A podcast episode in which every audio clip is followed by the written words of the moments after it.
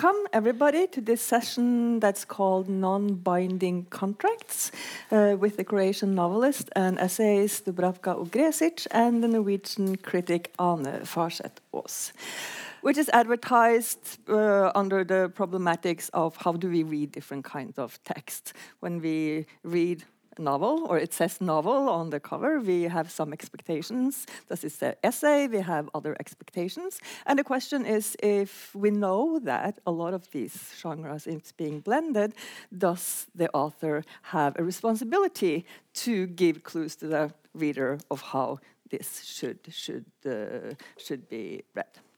I'm sure a lot of the Norwegian audience already know about all these discussions that's been in Norway about reality literature. Uh, and your book, Ane Farseth Aas, I guess is also published in relation to that debate. Uh, Ane Farseth Aas, who is a Norwegian critic, came last year, or this year? Last year. Last year. Uh, with the book 'Grenseverdier sannhet og litterær uh, metode', or 'Border Values Truth and Literary Method', which is a collection of interviews with various famous authors who write in the borderland between fiction and non-fiction, but within different genres. They write novels, essays, documentaries, and stuff like that, and have to do, take then different choices according to the, do they want to make it fictionary or not, not fictionary. Um, this problematic raises a lot of questions that deals both with epistemological and ethical uh, problems that we can come back to, to, to, to later. But the point that Ane Farseth Aas is making in this, this book is that these questions are becoming more and more important in our time. Uh, precisely because genres are being more and more broken as we see a new a renewed interest in nonfiction as literature and fiction, or especially the novel as a hybrid genre. Unfortunately, you do not interview Dubravka Ugresic in this this uh, this book, which you could have because second, third, yes, fourth edition, and then second edition. Yeah. yeah, because her work in many many ways speaks directly to the problems that you are discussing here. But of course, we have some time to rectify this shortcoming during this talk. uh, I, I, I uh, hope uh, because Dubravka's work, which is both it's both fiction, it's both novels and essays, but they they they read a lot of the times very similarly. Uh, they treat a lot of the same themes. Uh, you we can recognize a very distinct voice. Uh, that's speaking both in the essays and in in in uh, in the novels, and you, you, talked yesterday about your latest novel, Fox, uh, but could, that could also maybe perhaps be read as a collection of essays in some certain way. So we come back to that and then try to, to, to discuss the different choices maybe that you also have to make when you decide to publish something as a collection of essays or when you decide to, to publish something as, uh, as a novel, uh, even though I would claim that this is a hybrid. It's a hybrid uh, novel in many ways, although a novel mm. is always a hybrid. that's that's part of of of, uh, of, the genre. But I wanted to start out by just defining the terms of the debate um, to to figure out what is a contract. Uh, this is called non-binding contracts. But Ane Farseth Aas in her book uh, talks a lot about what a reader contract is. Uh, so I'll this is in Norwegian, and I'll just do a simultaneous uh, English translation for you while I, I, I read. but what it says here is when she defines reader contracts. When we read, we look for clues to know whether or not what we read is fiction or if it's verifiable, or maybe a combination of both. We look for clues in designations of genres, in forewords, in different elements in the text. As a metaphor, the concept of a reader contract borrows from the world of uh, juridical domain. This type of formalism uh, you connect with a juridical process can seem to be foreign when you talk about literature. But the contract metaphor, even so, take up in its very important parts about the questions about literary boundaries. That it's about how to regulate the relationship between a community and the individual author or a work, and what kind of expectations that are sanctioned by the community, and what kind of reaction you can expect if you break with these often unsaid agreements. So that's what mm. we think about when we read a contract. And I was wondering if, if, I wanted to ask you first, since you mm. wrote this, how you feel about this concept of reader contract. Is that something that you think about when you write? I think it's very complicated thing, you know, because first of all, a reader is not one. Okay, there are many readers. Then, um, who is the one mediator? This is also extremely important. Um, is it professoriate? Is it academia? Is that mediator a critic? Is that mediator a literary theoretician? Or is it a marketplace? Is it librarian, maybe? So you have so many, and what about the author? And his ideal reader. Who is my addressee? Mm-hmm. This is the crucial question. Who is my addressee? A state, Ministry of Culture, uh, uh, Norwegian reader, Norwegian readers. Who are they? Where is their face? Are they edu- educated, uneducated? Are, are they the buyer of hamburgers or uh, high quality salmon? Who are they socially and and educationally? Okay, I follow always the best of the best quote of Italo Calvino, who was once asked, in, in, not asked, but in one essay, he wrote about his ideal reader. And he said, I'm always trying to write for the reader who is more talented than I am, who is more educated than I am, who is uh, the, the, the, has a, a, more developed literary taste than I have, and so on and so forth.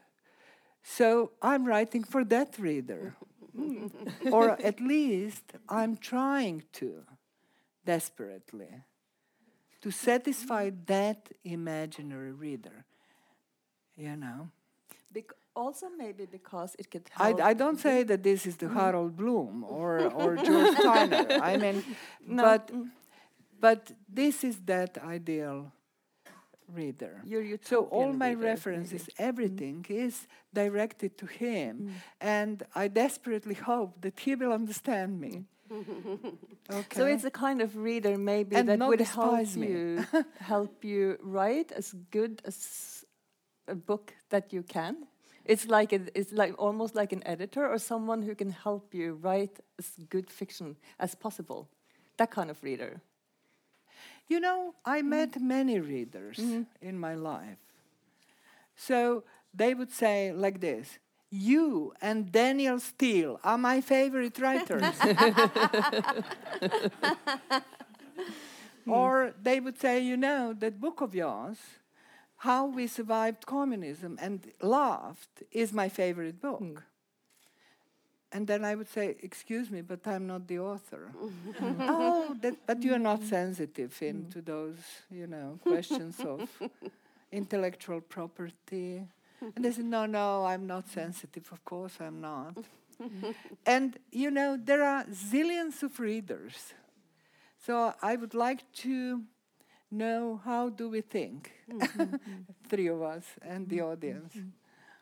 I was kind of struck when I read your or the different interviews that a lot of the times the authors don't speak about readers. They talk more about the relationship between their own view of things and what they write about. Yeah. And the, the one person who spoke a lot about the reader was Toril Moi in the interview with her. Mm. But most of the others talk about different things. Why is that, do you think? Or I'm not sure. No? That's quite interesting. I hadn't actually noticed that before you pointed mm. out, but it's true. You know what? Literature, act of art and craft and creation is communication always, always, always if the writer says to me, Oh, I'm writing for mm. myself, what can I think of him? Then that he's a psychiatric problem. a narcissist, yeah. so only psychiatric problems, they have this urge to write for mm-hmm. themselves. Okay? So basically, writer wants to communicate. This is the mean of communication. I write, you read, we communicate. That's what I would think as well, and that's mm. part of, I mean, what we usually call like the the narrative ur situation that you're kind of like sitting, you have a teller, uh, you have an audience, and you have something that is going to be told, and that is a kind of like basic contract between a teller and a listener right. and, and, and a content. Mm. Um, and, and of course, that's a reader contract in, in more, more, more ancient terms. And I'm also very fascinated by this, um, this one critic called Ross Chambers, who is talking about story and situation, uh, about how different stories situate themselves in relationship to the reader um, by giving clues as to how they are going to be read. Something written into the text that will tell you how it's supposed to be read. Now, you don't have to read it like that if you don't want to, but you can look at it and kind of like, okay, this is the way I read uh, this, this text. And that's part, part of the clues that you were talking about in your definition, too. Yeah it's a, one thing is the genre that you're giving in and, and stuff like that. The other thing is clues many that are in your text. Many other, things. Many other we do have coordinates how mm to communicate. You know, I do not communicate with illiterate tribe because they would not understand what I do. So, so there is no communication. Mm But our communication is regulated, sort of it is regulated by literary history. Right? So, through the rich literary history, we learned all about traffic signs on our road. Mm. And those traffic signs are called literary theory, criticism, literary history, all sorts of uh, critical uh, approaches, um, this or that, uh, schools, uh, theoretical schools, uh, even developed school of interpretation and of that reader stressed uh, thing. So about history of publishing, history of reception, history of that, and so we, we are not lost. When we talk, we know we are talking what we are talking about. Mm. and then plus genre. Yeah. Mm. right? This is also these are also traffic signs on our road. We can miss them. We can neglect them. We can put our own signs. But nevertheless this is the system within we communicate but I wanted to call attention to one of the signs that you put up in the novel Fox that I think is yeah. really, really interesting. Uh, because it's, it's published as a novel, uh, the novel has an epigraph. Uh, right. It's very common that books have epigraphs. Yeah. Uh, and when you read it, I think that an epigraph of a novel is something, is an inspiration that you have found somewhere right. else to write to write this mm-hmm. novel. And I'll, I'll read the epigraph for it mm -hmm. because it's a wonderful quotation. The real literary fun begins the moment a story slips an author's control, when it starts behaving like a rotating lawn sprinkler, firing off every which way when grass begins to sprout not because of any moisture, but out of thirst for a near source of moisture. And then it says, Ira Ferris, the magnificent art of translating life into a story and mm-hmm. vice versa. And I think this is just a wonderful metaphor. Okay, I'll, I'll just read a novel like this. After I get into the novel, somewhere I found out there's a lot about this Ira Ferris, and I started to wonder who is this Ira Ferris? Does she really exist? And I started to Google, and of course it doesn't exist.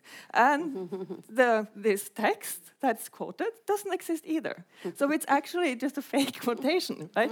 so and then, then suddenly it's not this epigraph standing outside of the novel telling us how to read it anymore. It's part of the fiction. Uh, and you're kind of uncertain in what way it's part of the fiction. Is it the author Ugresic who have written this, or is a narrator in the fiction who has written it? And then everything has to be reread because suddenly you don't know what is fiction and non-fiction, what kind of text this is, uh, what are you playing with, what kind of science are you putting out to the reader, and it get, gets very confusing, but also very interesting. Mm. And I, I wonder if you can comment on the choice of an epigraph like that. No, I think it's a, it, my work is also uh, willy nilly. It's educational. Okay, so it's good to uh, to force the reader to be able to force the reader to go on at least, um, if not library, then to Google and Google whether it is truth or not, who is who, and so on. If if they don't have a clue about, let's say, part of a Russian literary history which is Russian avant-garde, there are some names who really existed. I mean, they're not false, and so on and so forth. But um, let's say this novel, hybrid or not, novel or non-novel, it's um, um, highly crafted. Uh, it follows the principles of organization of material. Because today, as in the history, you have a, a, a, lack of organization of that material. Nobody said that text, which is not organized, is not literature. and the highly organized text is literature.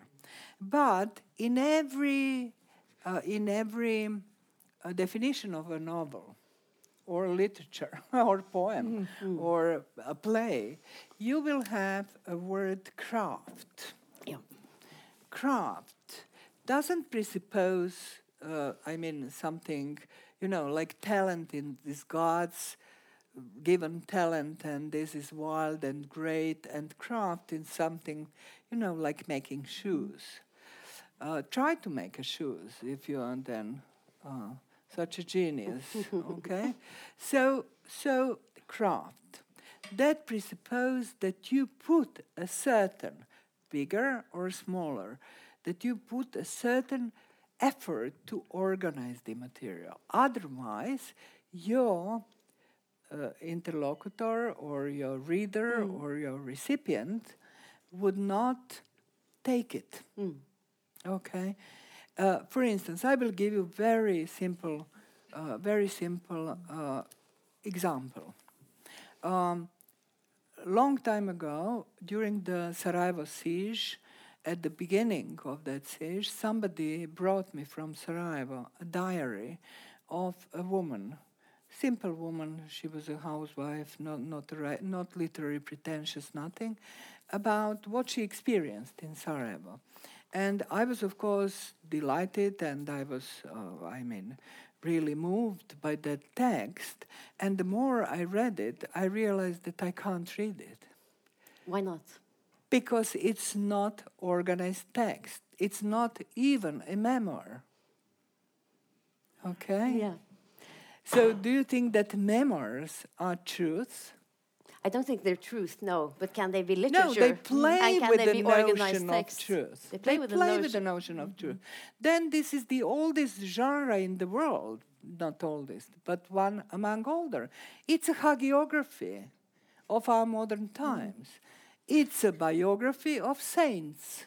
That's why every saint in the world, uh, opera, uh, pop singer, this and that, they write their memoirs. Not only one, but a couple of them. A couple of them. My life so far. but so I, find this, I, find this, whole idea about uh, craft and organization, it pops up all the time mm -hmm. uh, in definitions of the novel. Uh, but also, what I'm interested in is if you speak to uh, young novelist like Edouard Louis, he says he wants to expand the notion of the novel right. to uh, to um, to include true truth, true true storytelling. Yeah. Uh, and when he uses the the term the novel, it's exactly that: the craft and the organization.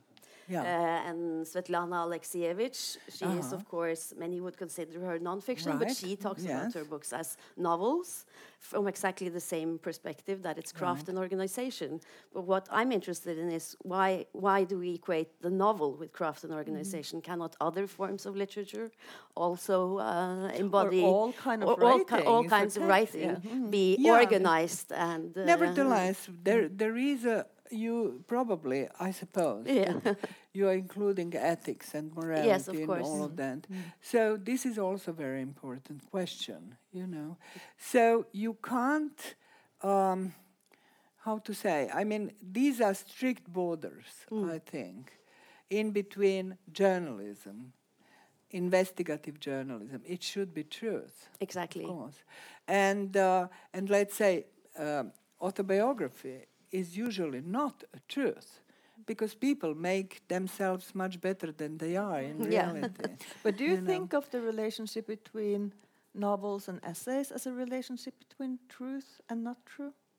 Because I would think no, that there's different um, kinds of truths that are. Yeah, mm. first of all, uh, in in a literary field, the word truth, you know, it's very manipulative, and we can't. I, I let's say I can't understand when somebody says, "Oh, this is this is autobiographical novel." How do you know? Are you a policeman? How do you know? Can How you know? do you know? No, you only know from uh, the person saying that it is, right? That's mm. the contract. That's the contract that, That's that is con putting for, Oh, no, no, no. You forward. don't tell mm. me. Because yeah. I, I know you're writing about Amsterdam, and I know that you live in Amsterdam. So yeah. it must be autobiographical. It must not be. It, of course mm. not. Mm. But that's the contract put forward. And if you put that contract forward, so saying, it's, it's, about me, you, you do not. You write novels, right? Right. Mm. But let's but say, is autobiographical novel. Yeah. Uh, if I say, yes, this is all truth, mm. what would you say? Uh, I'd, I'd say that uh, there is no such thing as, as truth to that, you know. Mm. But so we are back to literature. Yeah, yeah but it is literature. That's the whole point, isn't it?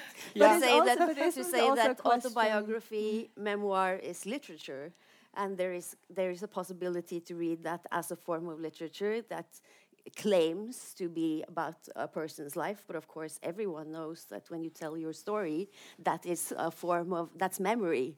That's not. Yeah, but hagiography is also part of literary history. I mean, mm. a genre. So and it's also you know. too easy just to listen to what the author says. I mean, it, that's not only the part that a literary contract or reader contract is put up. That okay, I can say this is an autobiographical novel, but the text might say something completely different, and I might know that, or I of might course. not know that. So it's the the reader contract is much more complicated than actually what the author says it is. It is, think? yeah. Uh -huh. But isn't that a fact of life? When we speak to each other about our lives, we know that that is not an objective uh, account we listen to each other's life stories, not as an objective truth. We listen to them as uh, an experienced uh, life and um, um, an interpretation uh, of a life.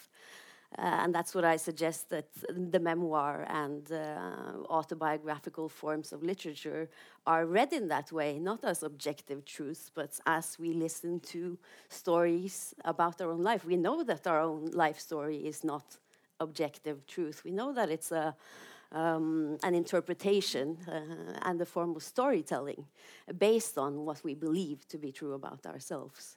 So I yeah. would say that there's a, a, third way of reading, which is not uh, I, I only listen to your words as if they are either true or not true, because we know that when people talk about themselves, they are both truthful and non-truthful at the same time. Or people, uh, you can catch uh, authors more when they write in third-person narration. Exactly. If, uh, when they write in a first-person narration. First-person narration is very pleasant because you you call the readers to identify with you. Okay. Yes. If you say I, it is it is already closer connection when you say um, when you say uh, he or she, right? And then um, using I as a mask gives you more freedom. Okay, I can say when I was a Napoleon, for exactly. instance, yeah. So whether it is truth or lie, yeah, nobody knows. She mm. claims that she was a Napoleon. I mean, but I'm kind of a little bothered about the whole idea that truth is objective truth, that we can't talk about different kinds of truth, of course, because it's a subjective truth, and a subjective truth might be truer than a so-called objective truth that doesn't even exactly. exist. But I wanted to say something more about a third way of reading, because that's a concept that you also bring up in your in your book, this third kind of reader contract uh, that you are calling for, or that other people have been calling for today in the kind of climate we, we live in. I can just that's what I, I, was trying to get into now. Okay. That I really do believe that we do not read in terms uh, of uh, things that are either uh, objectively true, because very few things are. I mean, that's just a list of facts. Uh, and uh, facts are different from truth. Facts are different yeah, from truth. That's that's that's, that's, that's, not the same thing, you no. know. Uh, facts are are really and loads of the writers that I interview talk about this. Like, and when you get into facts, what are they? When you get into fact checking in journalism, for example, uh, it becomes rather difficult because because even facts are interpreted in a text. I think that very much it depends. Our mind is furnished with images, history, myths, this and that. Mm. So that um, is also, I mean, that influences our perception. I mean, this is all here, that furniture, okay? This is one thing. Then it is also important the position where from you are recipient of a certain, well, let's say, work of art.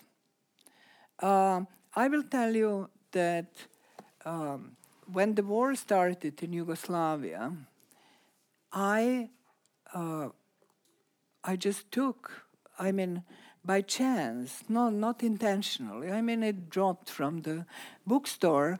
Um, a book by I read long, long time ago, and that was um, Hundred Years of Solitude by Marquez. We all know that this is the magic realism. Okay, I've read, I swallowed the book as a book about as a documentary book about what's what's going on in Yugoslavia. Everything was there. Mm. Mm. That was the truth. Yes. That was not magic realism. If you would ask me a couple of years later mm. to read it again, I would read it in a different way. If I would read it, let's say, from, I don't know, in some other from some other point of view, some other geographical point of view, this and that. Mm. You have this long narration in your book about reading Linn Ullmann's De urørlige, about that, how that changes when reading it in Norway and reading it in, in yes. Sweden. But I wanted to, to, to, give us a grasp on this concept of yours first, uh, the, the third reader contract. Uh, Yes. Yeah. What, what exactly is it, and why do we need that today? I or isn't have more of them? we have more of them. well, as I just said, I think it applies specifically uh, or uh, a lot to uh, the memoir and uh, autobiographical literature, for example. Uh, and I don't agree with this uh, idea that uh, if it's if it's a memoir, it's low status. It pretends to be true. It pretends to be an objective or. Um, what what I think is that we have to allow for non-fiction literature as well to uh, be full of doubt, ambiguity, all of these literary qualities. A lot of people would say that no, if I write my life in a complex matter, then that's then then it's a novel. I think it's possible to write ambiguous, open, uh, personal stories uh, that and that you don't need to call them novels to have well, for them to have literary quality. An essay, for example. I mean, you can write an essay, but that's also a literary genre. So I was wondering why do we need this concept? Because it it sounds like it's more like a concept that you can okay, we have a third reader contract, and now we can start calling things memoirs instead of novels. So we can tidy up the, the genre of novels, so we don't have to put all the. I'm not interested in tidying anything up. I'm not interested No, in mhm. tidying anything up. No, but, but, it doesn't apply to novels, this third reader contract. That you can also kind of read a novel. Yes, of course. Yeah. You have mhm. autobiographical novels as well, but they do, when they are published as novels, come with the contract of this being, uh, it can be fiction. There's no uh, contract there that it has to be anything else. I'm not uh, saying that we need to have uh, a new definitions. What I'm No, saying is, yeah, is mhm. within the context of the Norwegian literary scene, there is a very strong tradi- tradition that if you write personally, uh, you make it into a novel because that's our tradition, uh, and because that pays within our system. Uh, And that's why we don't have a very strong tradition of writing uh, memoirs and uh, essays that are uh, more than an essay about literature, for example, an essay that deals with the world um, and a more ambitious type of essay uh, because we have this tradition. I'm not saying that the novel should be purged of anything. The novel can be anything. What I'm writing about specifically in our context is that I think that the status of those other genres is relatively low uh, and that it's possible to open it up uh, quite a bit more. So what do you I will tell you the story about the contract, and I apologize myself because I'm using an example I shouldn't use because now you will think that I'm bitching a fellow fellow artist what I do, what what I'm going to do really. So um, about the contract, I don't know whether you have heard about the name of Marina Abramovic. Uh, she's a famous artist, and she uh, became globally well known when she had um, performance in MoMA or in Guggenheim. MoMA, uh, artist is present. So she was uh, working um, uh, in that uh, project for two months, I think. So um, it consisted of her sitting um, in the chair, and there was a table and the empty chair in front of her, and audience was invited to sit in front of her, to confront her, to look at her, and um, not to talk. Uh, n- never ever we saw that uh, anybody from the audience talked to her, and um, and that went for the whole day and for two months. Um, I uh, I haven't been at that exhibition performance, but I met many people who were there and they claimed that it was extremely powerful. A friend of mine, she said, I started to cry. And I said, Why? She said, I don't know, it was powerful. Uh, so people were using this word powerful and they liked it. And that was the real art. Artist was present. Okay, artist exposed herself. Then I was thinking, it must be something if the whole world uh, is bowing in front of uh, uh, the artist who is present and claims that it is power. It was powerful. okay, then looking more ca- carefully, I noticed that she doesn't have a makeup. She has a long hair, this pleat, right? And then she's dressed in the robe, a long robe, which is white, which was white, blue, or red. Okay? And she looked straight in the eyes of the audience of the um, other part of contract. Okay? And and occasionally she would let the tear from her eyes to drop. and then I realized, of course, why it is powerful. She's playing the old furniture. We are full furnished here. It's Virgin Mary. Okay? As a woman, she could become a global artist only playing a Virgin Mary. okay? So that was her. Virgin Mary drops the, mm, the, the, tear, mm. and people are delighted to see it, and they, it is such a powerful event. Okay? So that contract, is it truth or not? Is it powerful or not? What is that? Okay. Is she using us? Oh, yeah. Is she cheating us? is she using her gender? Is she. I mean, there are so many questions about that. And I think it's, it's an excellent example uh, to discuss all, all, mm. all those things. It also relies on this notion of presence that we also have right. in this what I called yeah. narrative ur situation yeah. when you're sitting around the fireplace telling each other right. stories. It's a kind of like presence that you are there and that you can check why yeah. you can see if you laugh when you tell a joke. But it's a cliche. Like that. That's it's why we love it. Yeah, it's yeah. behind that. But isn't that it's what her work is about then? Uh, discussing that idea? And that's, yeah, yeah, if I can just finish yeah. what I was yeah. going to talk, because because that's the, the presence. But today it's also because you talk a lot about textuality. Right. Uh, and I was wondering what this what this idea of textuality does also not only with with presence but with the whole reader uh, contract and how stories are made and what literature is and, and so on and so forth. And maybe we are living in a time where textuality is so much more spread out and sometimes we know more but something we know less. I also noticed that you poke fun of people. That's good. I like that. Uh, that yeah. will google to find out which is right and what is not right because you point out at one point that it's not as if if it's not on Google, it did never exist, right? You can never yeah. be sure, yeah. even if you if you if you Google it. But I, can I just read a short extract from Fox that deals yeah, with textuality because I think that's that's mm. that's very nice in relationship to, mm. to the story that you were just telling.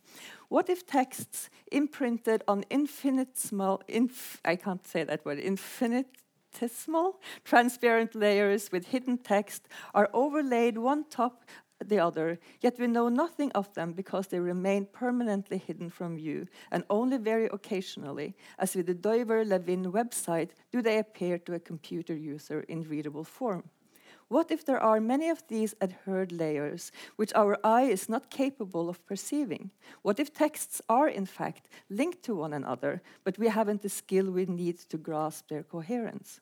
And what if the human beings are actually living, breathing texts? What if we're walking around with myriad overlays of revisions of ourselves about which we know nothing? What if the blurbs about other people, one, two, a thousand, are attached to us, yet we are unaware of their existence? What if these texts fuse to us? What if we all, each and every one of us, has been inhabited by secret dwellers? Why did I get so stuck ages ago on that utterly inconsequential footnote about Doivber Levin? And of course, earlier in the book, you also talk about all of us being footnotes and hmm. footnotes in our own lives. Why did Ferris spend all her time on Levin? And Ferris is this character that then wrote the epigraph, but, yeah, but oh, doesn't okay. exist. what, which was it? Did Ferris dream her text about Levin, or did the text about Levin dream Ferris? Yeah. And that complicates so much this kind of like presence thinking. And what is a text then when we think about it in these terms? But it is exactly what, what I tried to describe. Mm. I mean, it's, it's really complicated. If we, I mean, take anything, I mean, like this, this pen or, or a book and, uh, and try to think about all the meanings and consequences and uh, how much it is circulable uh, or not, or about the time, about the culture, about the audience, about the reader, about this and that. I mean,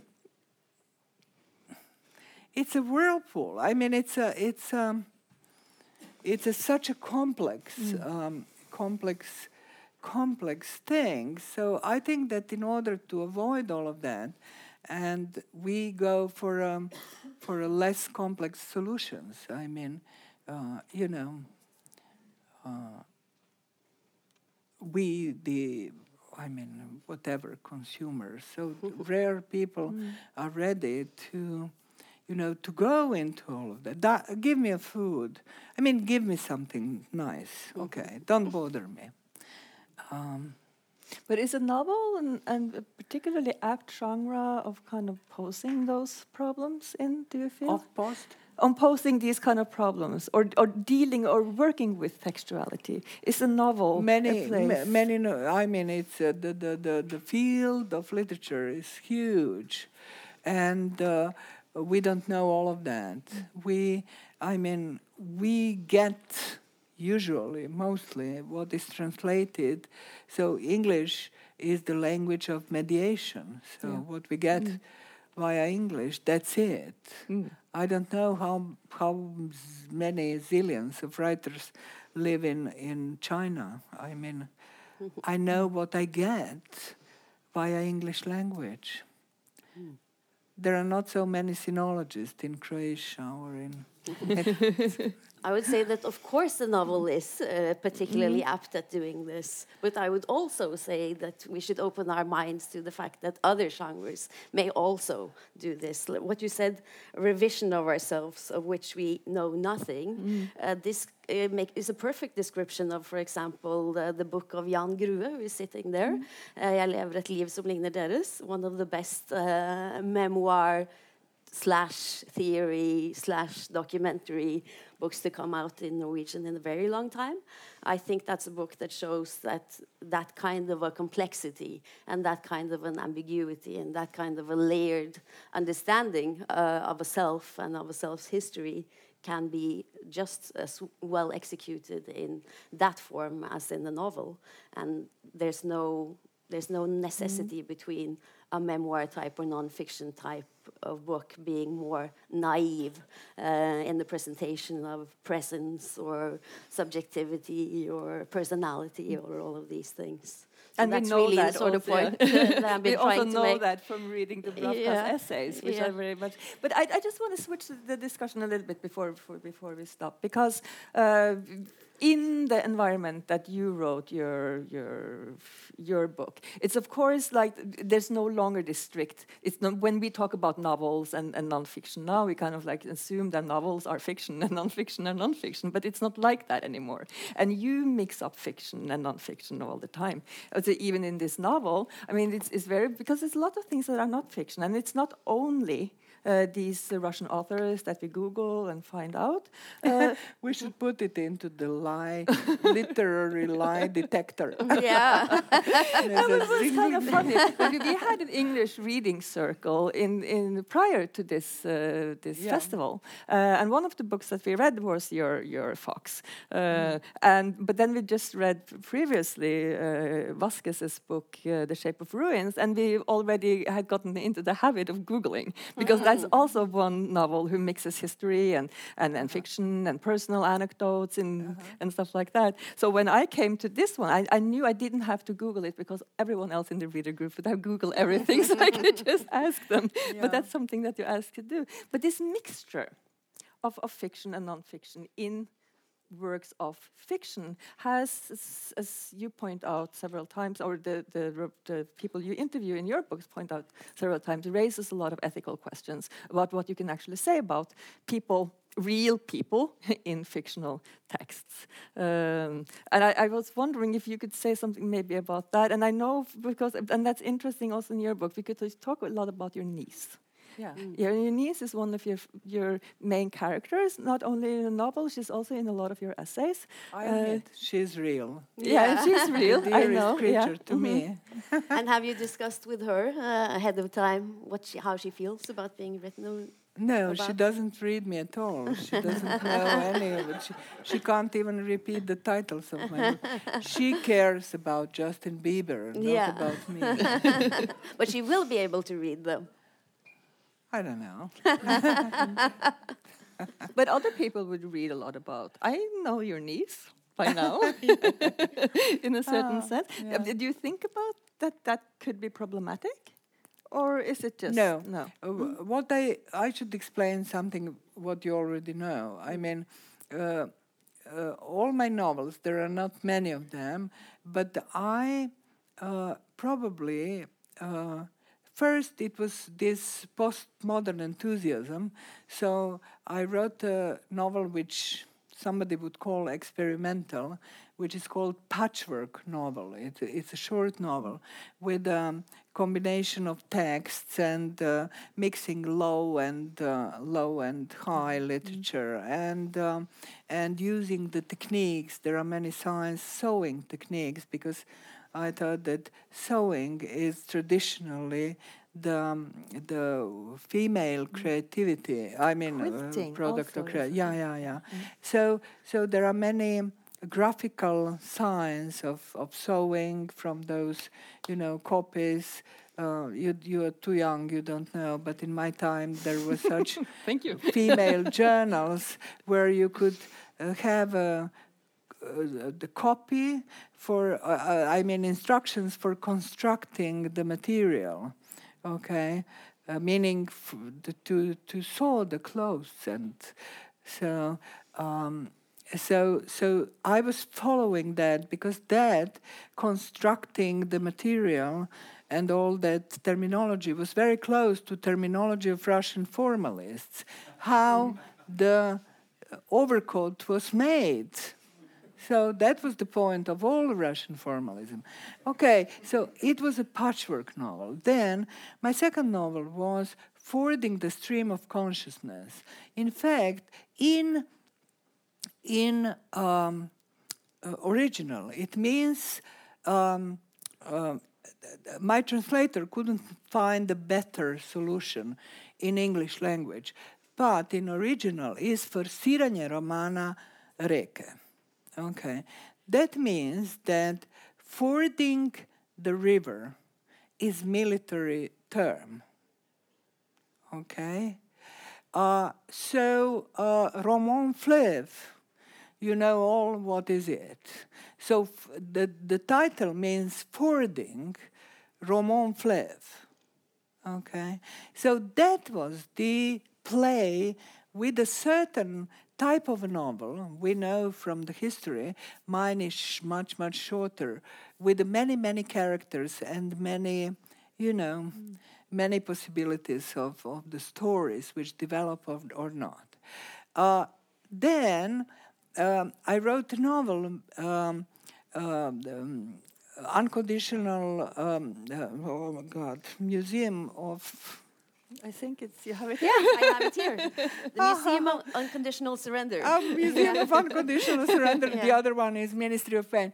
Um, so, which is also it was a play of a certain how with a certain. Um, uh, it was it was very fragmented. Okay, and. Um, and uh, it had also many layers. Mm. In Ministry of Pain, there is a story. There is a, firm plot. There is everything which supposed real novel should have. Okay. then I wrote Baba Yaga laid an egg, which is consisted of three different parts of a text about the same. Uh, even genre. One is, let's say, like documentary prose. The the the, the second part is like um, little short, uh, like adventurous novel. And the third part is something like a false, fabricated uh, literary uh, theory. So I was interested in how those texts are talking to each other. How they talk to each other. Do they enrich themselves? And they do when you put different. So, what I want to say is that the crucial uh, talk is that I have feeling, maybe I'm not right, that literary history, all those important things, are fading, uh, they're falling apart a little bit, they're not anymore. So that's why I put an effort to keep the connection, link with the huge, rich, fantastic literary history. Mm. And, of course, with the genre of novels. To play with it, to reinvent mm. it, to do this or that, to talk with the literary history too.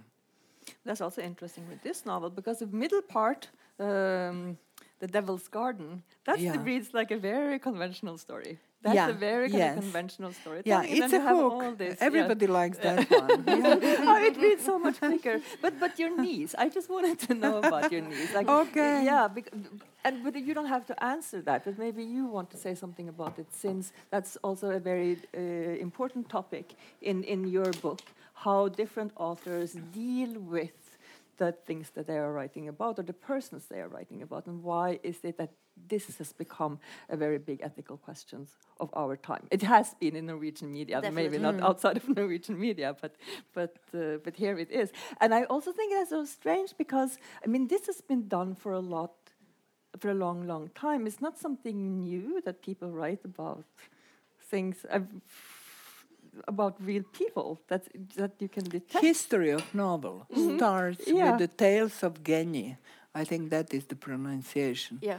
Oh, yeah, right? Yeah. Yeah. So, so it's a gossip. It's a yeah, court mm. gossip. And Who of course, slept we don't whom? know. We don't know who in Japan were very offended Right, by, but uh, still, by yeah. their descriptions in the tales Right. of Genji. Yeah. Do you want to comment on that, or do Well, you know, we, as you say, we don't know who were offended uh, by the tales of Genji. We do know who were offended by Proust's uh, work, uh, even though he used fictional names. They were also real people. Uh, there's a huge difference there whether you uh, read it from a distance. You know, when you read a book from a different culture, from a different language, you can see that when uh, Knausgård is published abroad, they don't really care about the ethical debates because that's not relevant to them. It's like they don't know these people. Uh, it's a question of of uh, publishing, really, uh, and of course, the writer is a part of the publishing. Process or the act of publishing. Uh, to me, it's just right that if you write about real people and use their real names so that they are represented in the public square, then you have an ethical obligation to think about uh, how you present them. That's just a human fact.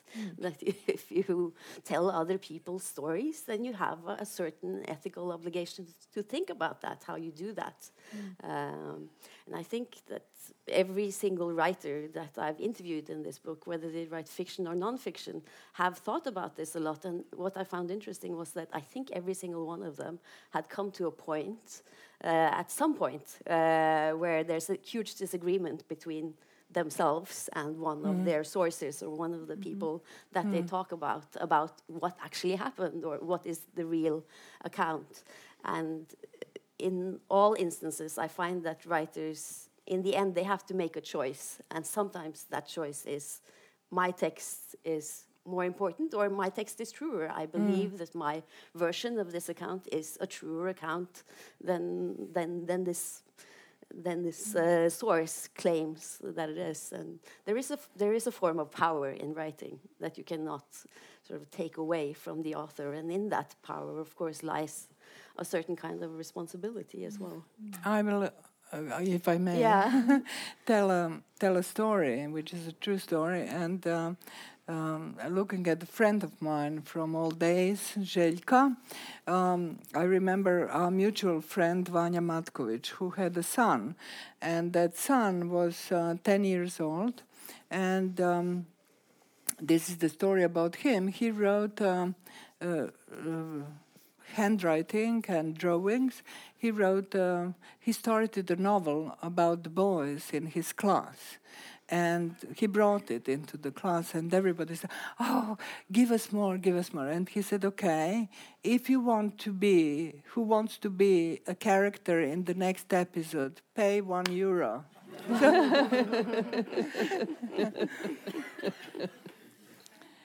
So that that was the writer, Yes. and only ten years old. I guess we have to, to end pretty soon. We didn't get the time to talk about, uh, yeah. You have written one of my favorite essays that I really wanted to talk about, but we can't do that in, in, in 30 seconds. But your niece is also there, so I also wanted to kind of like. I have I made a theory of my own talking with you now, uh, and that is that your niece might maybe also function as the ideal reader that you're thinking of. Mm. Because uh-huh. you keep saying all the time that, but she doesn't read me, she's not interested in me, she's only interested in Justin Bieber. and, but at the same time, she pops up at all these very, very important places in your, both in your fiction uh, and in, in, in, uh, in your essays, as this kind of like non interested future uh, possibility uh, that you are addressing in, some, uh, in, in, in, different ways. And she also, in Fox, have this wonderful new phrase of how stories are made mm -hmm. that she's called think venting. Yeah, yeah. In the English translation, yeah. there's been the difference like invention and thinking. Think, uh, vent yeah. Uh, that, that she comes up with. And I was just wondering if you could say something by the very end, because we, and of course, we read this book in the reading circle just after reading uh, The Shape of Ruins, which is very much a, a book about, about fathers and sons. Uh, and this book is about the absence of mothers and daughters, but the yeah. relationship between aunts and, and, and nieces. And could you comment on why the fox is female? Because we didn't say something about that yesterday. Oh, yeah. Uh, but of course, we think in our Norwegian tradition that the, the the fox is gendered male. But when you use the Eastern tradition, and I guess both the Eastern European and the Japanese tradition, the right. fox is female. Is yeah. that significant for you? It is. It is very much because in in Western culture, you you all know that it was a novel about uh, about the fox, and it appeared in I think in 12th century, right, or later in Netherlands, in in France, in Germany, and so on. And it was always male figure, uh, male figure. But then in Slavic world, fox is always. I mean, although we know that there are male and female, mm. uh, but it is always the image of fox is she. She's female, uh, and and even when we say lisica in all Slavic languages, Lisa, Lisa, and so on, it's female. But when you say stari lisac, old fox, this is different thing. So that was the problem with translation in English, mm. you know, because in English is he mm. probably, and the further you go to the east, it is more and more she, with more and more competence and with more and more roles. So it is not that she's just cunning and and um, the soul who betrays others. No, I mean it's much more um, um, contents in in. Um, she could be seductive. She could be whatever. I mean, benefactor. She could be a messenger. She's she could be a divine creature. She could be a messenger between two worlds, uh, world of God and gods and world of people, and so on and so on. So, but there is, of course, a strong reason why um, I'm chasing her through through my novel.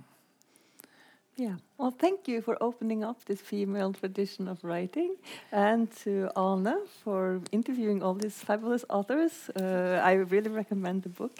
Uh, and I wanted to thank you all for thank coming. you. Thank you. thank you.